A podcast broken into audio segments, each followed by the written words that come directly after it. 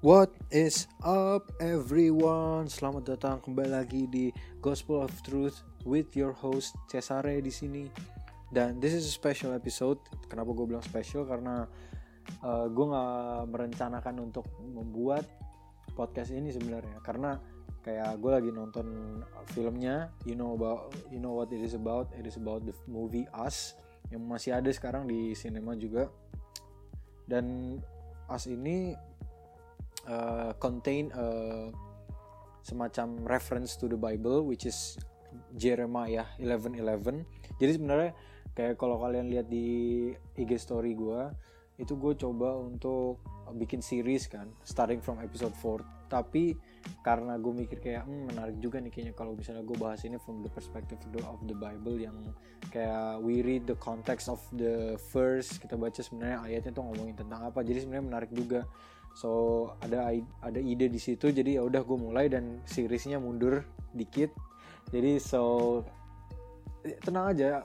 Seriesnya bakal tetap datang but first kita akan uh, lakuin ini. So sekarang gue mau membacain kalian tentang uh, verse atau ayat yang ada di Alkitab yang ada di movie Us.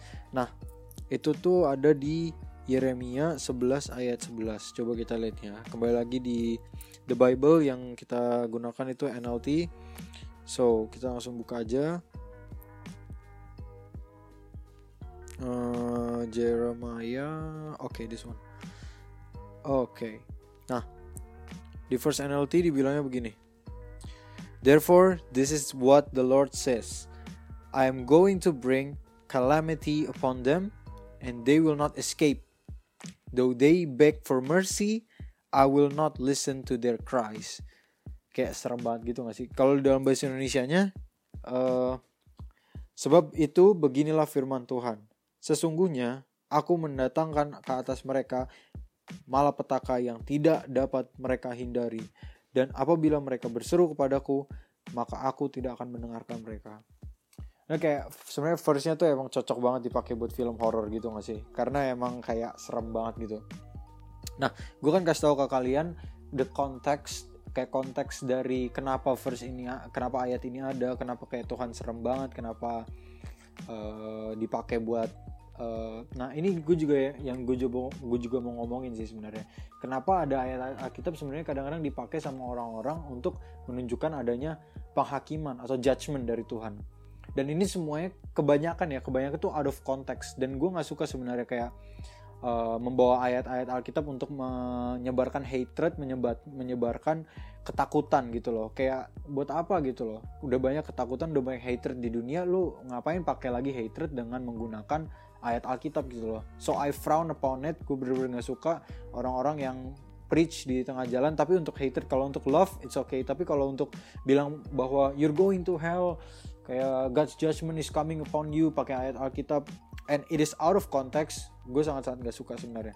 So, gue akan kasih tahu ke kalian sebenarnya kenapa ayat ini sangat seram dan uh, dipakai oleh Christians uh, terutama di di dalam film juga ya sampai sampai di dalam film juga untuk menunjukkan adanya malapetaka Tuhan akan membawa malapetaka segala macam. Nah, kita harus tahu dulu pertama uh, yang gue akan bilang adalah uh, kitab itu eh, ayat itu dicantumkan di kitab yang mana? Kitab yang mana as in di perjanjian lama atau perjanjian baru? Dan kemudian kalau di perjanjian lama siapa yang nulis? Jadi coba kita lihat Yeremia ini Jeremiah itu adalah di Old Covenant di perjanjian lama dan Jeremiah ini adalah seorang prophet prophet prophet itu dalam bahasa Indonesia itu adalah nabi nah nabi essence-nya atau perannya adalah uh, the role of the prophet adalah representing God to the people. Dia mewakilkan suara Tuhan ke orang-orang ya. Jadi kalau misalnya kalian uh, lihat di dalam kalau misalnya kalian baca ya gue udah gue udah baca tapi belum semuanya sih. Tapi gue udah baca kayak setengah gitu. Dari awal sampai setengah kira-kira 30-an lah. Nah itu tuh sering si Jeremiah itu representing kayak this is what the Lord says ini yang uh, Tuhan Tuhanmu katakan jadi dia tuh mewakilkan suara Tuhan ke orang-orang nah jadi essence-nya dari kitab Yeremia itu sebenarnya uh, bagaimana dia mewakili suara Tuhan ke orang uh, uh, orang Israel, ya kan Jewish people. Nah, this verse actually comes because of what? Nah, sekarang gue akan mengajarkan kalian tentang bagaimana juga membaca Alkitab. Nah, biasanya dalam Alkitab itu uh, kuncinya, kuncinya itu biasanya terletak di awal-awal. Jadi awal-awal dari verse-nya itu biasanya kelihatan tema dari uh, tema dari uh, kitab tersebut. Jadi kalau misalnya kita lihat nih ya, dalam Jeremiah ini Jeremiah pasal 1 ayat ke-16. Nah, itu kan ayat awal-awal banget tuh. Jadi kalau misalnya kayak contoh nih, gue kasih contoh. Di dalam kitab Matius, uh, Injil Matius itu pertama yang kalian lihat apa? Silsilah Yesus kan. Silsilah Yesusnya itu dari mana ke mana? Dari da, dari Yesus naik ke atas sampai Daud dan Abraham. Bukan sampai Adam. Kenapa dari sampai Daud dan Abraham? Karena Injil Matius itu diperuntukkan untuk orang-orang Yahudi. Dan raja orang Yahudi yang pertama, raja orang Isra, raja Israel yang pertama adalah Daud.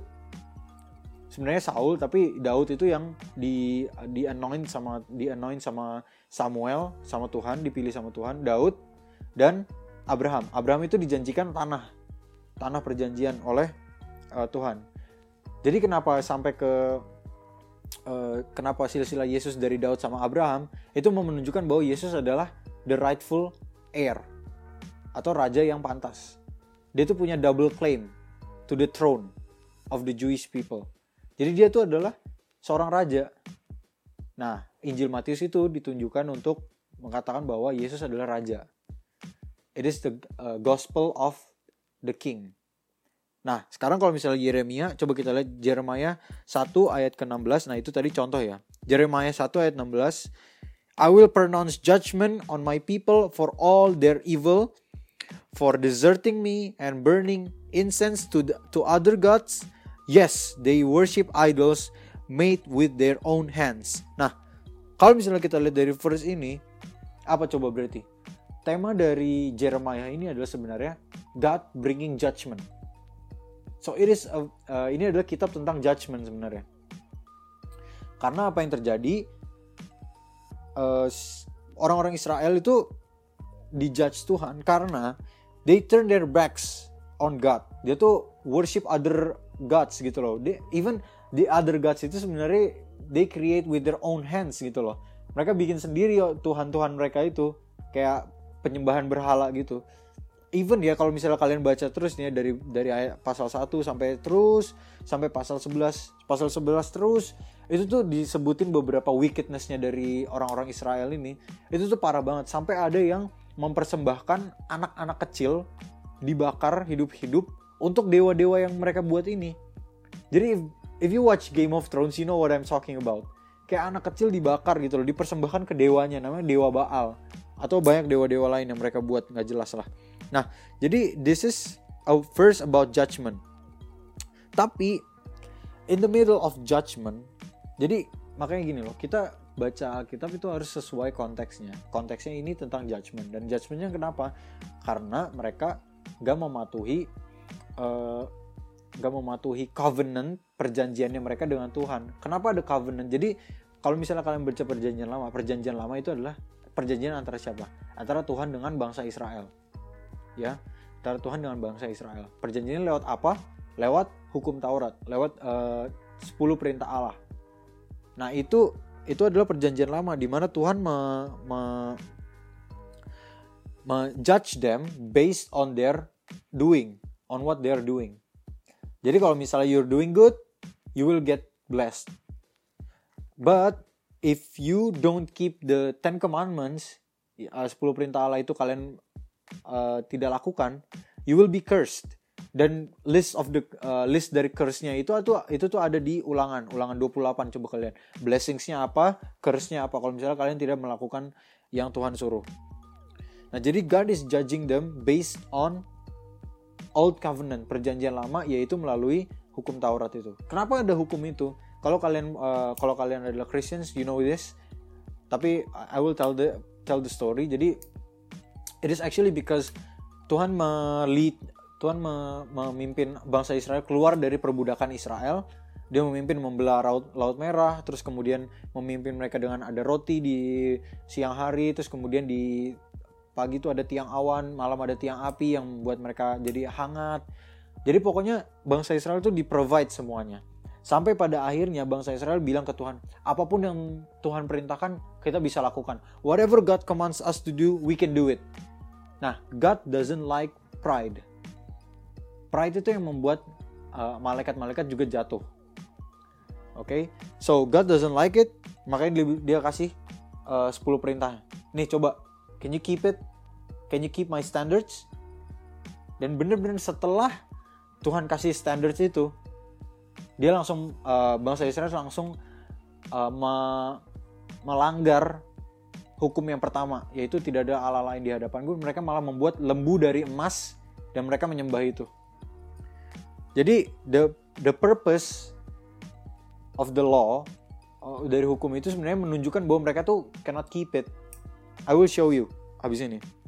Nah, jadi ini sebenarnya kitab Jeremiah ini about judgment. But you know, it is weird karena even in the middle of judgment, in the middle of uh, God's wrath, kemarahan Tuhan dan kemarahannya Tuhan terhadap bangsa Israel yang benar-benar gak mau mendengarkan bahkan Nabi Yeremia udah datang ke mereka dan mereka tetap gak mau dengar bahkan Yeremia mau dibunuh sama mereka mereka plot to kill Prophet Jeremiah karena mereka uh, Prophet Jeremiah is telling the truth tapi mereka nggak mau dengar dan malah mau membunuh orang yang wakil dari Tuhan so it is that bad orang-orang ini tuh it is that bad nah tapi in the middle of that bener-bener God is God still love his people gitu loh kalian coba lihat aja di uh, Jeremiah pasal ke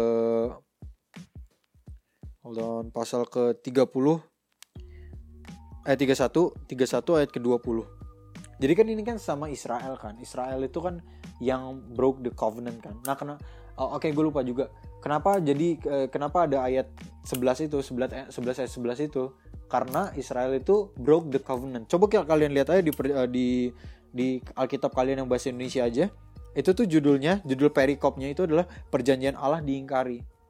Jadi itu karena ancestorsnya mereka yaitu bangsa Israel yang dibawa keluar dari Mesir itu melaku, meng, mengingkari perjanjian dengan Allah dan sekarang uh, anak cucunya dari ancestorsnya itu malah lebih parah lagi dibilangin di situ so it is because of the broken covenant oke okay? nah tapi in the middle of that pasal 31 ayat 20 kalian lihat deh it is so beautiful kalau menurut gue is not Israel still my son my darling child says the Lord I often have to punish him, but I still love him. That's why I long for him and surely will have mercy on him. Kalian bayangin gak sih, in the middle of your sins, in the middle of your wickedness, in the middle of uh, your blasphemy, kayak kejahatan-kejahatan kalian dan kalian turn your backs against God, Tuhan tuh masih bilang kayak gitu ke kalian. Is not you still my sons and my my sons and my daughters? Oftentimes I need to punish you but I still love you kayak gini loh God God is love. Tuhan tuh bener-bener nature-nya Tuhan tuh adalah love. Ya gak sih? Karena apa? Karena sebenarnya Tuhan tuh mau memberi ke kalian. But because of our sins kita nggak bisa menerima secara sepenuhnya. Karena apa? It's like this. Gue akan jawab uh, gue akan kasih kalian ilustrasi. For example kalau misalnya uh, orang tua kalian misalnya salah satu orang tua kalian misalnya uh, kakek kalian itu adalah ada ada cancer. Ditemukan dia ada sel kanker yang udah merambah ke seluruh tubuhnya. Ada sel ada sel cancer yang udah bener-bener memperparah hidupnya dia. Dan ketika kalian lihat orang itu which is your grandpa kalian tuh sayang sama kakek kalian kan? You love your grandpa but you hate the cancer that is inside your grandpa right? Because that cancer is eating your grandpa alive. Kayak it is it worsen his condition. Itu yang membuat dia sakit, yang membuat dia nggak bisa kayak sebelumnya. Nah Tuhan tuh sama.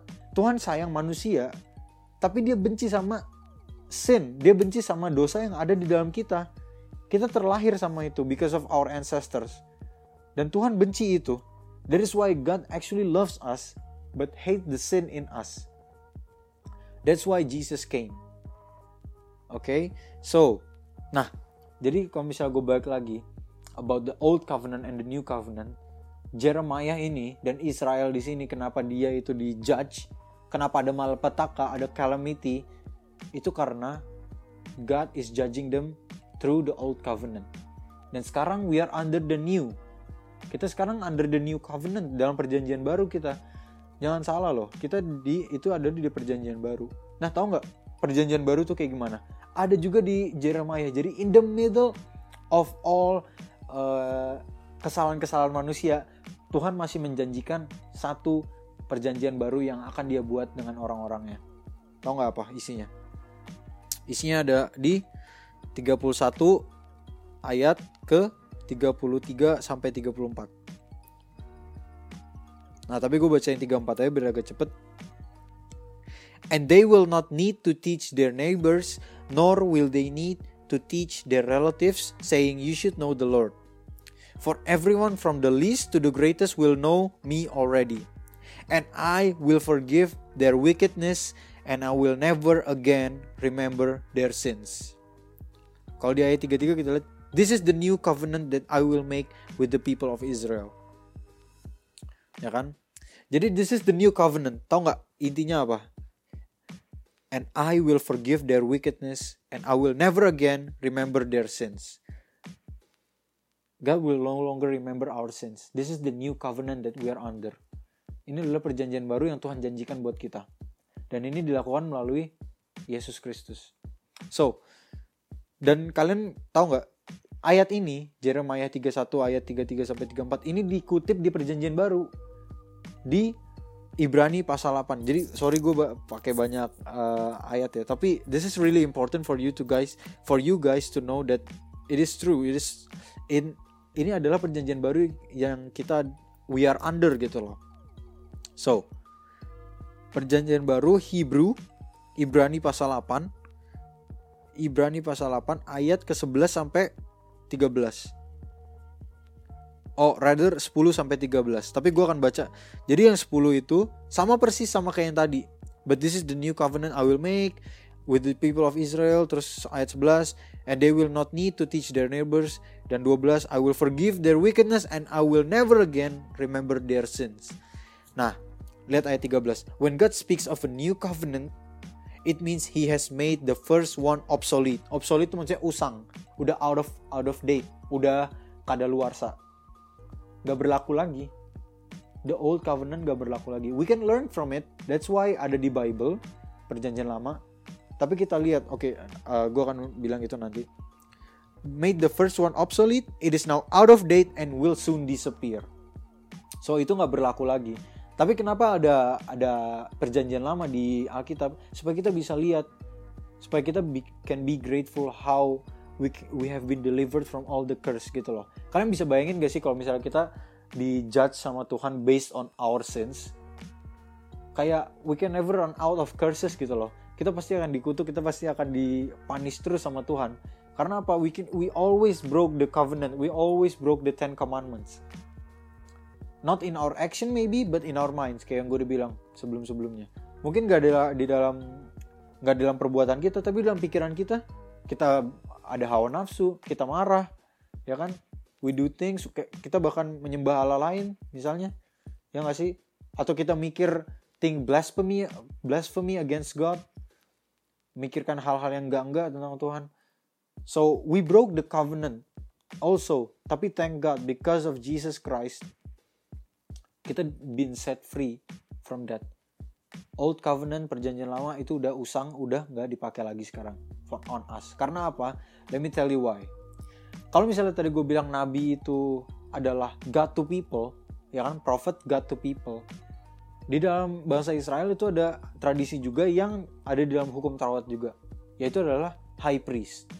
High priest imam besar. Imam besar. Imam besar ini adalah people to God. Dia yang merepresent uh, orang-orang Israel ke Tuhan. Nah, sekarang di dalam persis di dalam pasal ini juga Hebrew pasal 8 itu diceritain bagaimana imam besar kita sekarang adalah Yesus Kristus. So what happened under the new covenant adalah Tuhan gak deal with you, Tuhan gak melihat lu based on your works anymore. Tuhan gak melihat lu based on what you do anymore, or what what you don't do, what you don't keep. Tuhan melihat gak melihat lu based on you anymore. Tapi Tuhan melihat perwakilan lu. Siapa perwakilan kita?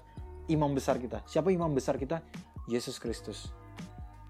And he did a perfect job on that cross.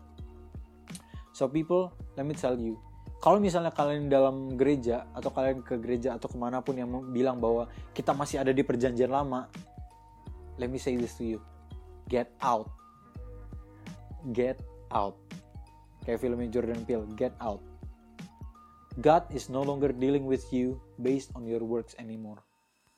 Sekarang dia melihat Yesus Kristus dan dia memberkati kita. Sama juga di zaman Israel dulu juga gitu.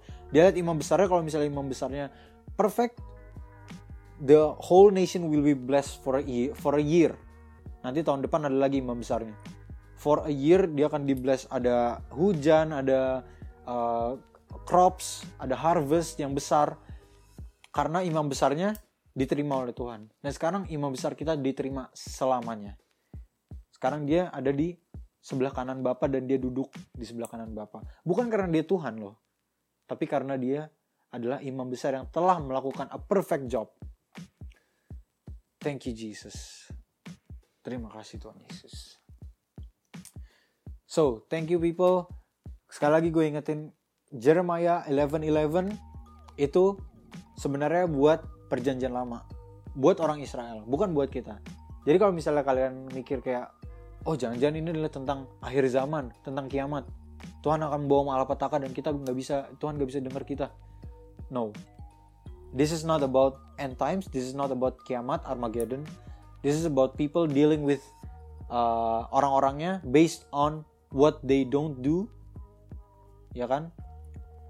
Kalau misalnya kalian broke the covenant, Tuhan akan um, punish. But we are not we are no longer under the old covenant. We are under the new covenant. Thank you Jesus. Terima kasih teman-teman. Jangan lupa untuk share, jangan lupa untuk kasih ke teman-teman kalian kalau misalnya kalian merasa ini memberkati kalian. Jangan salah, jangan sampai juga kalian cuma keep this blessing but be a blessing to other people as well. So thank you everyone. Sampai ketemu minggu depan kita akan ada eh, uh, next episode kita akan ada series. Bentar lagi akan ada announcementnya juga about the series. Oke, okay, thank you everyone. Goodbye.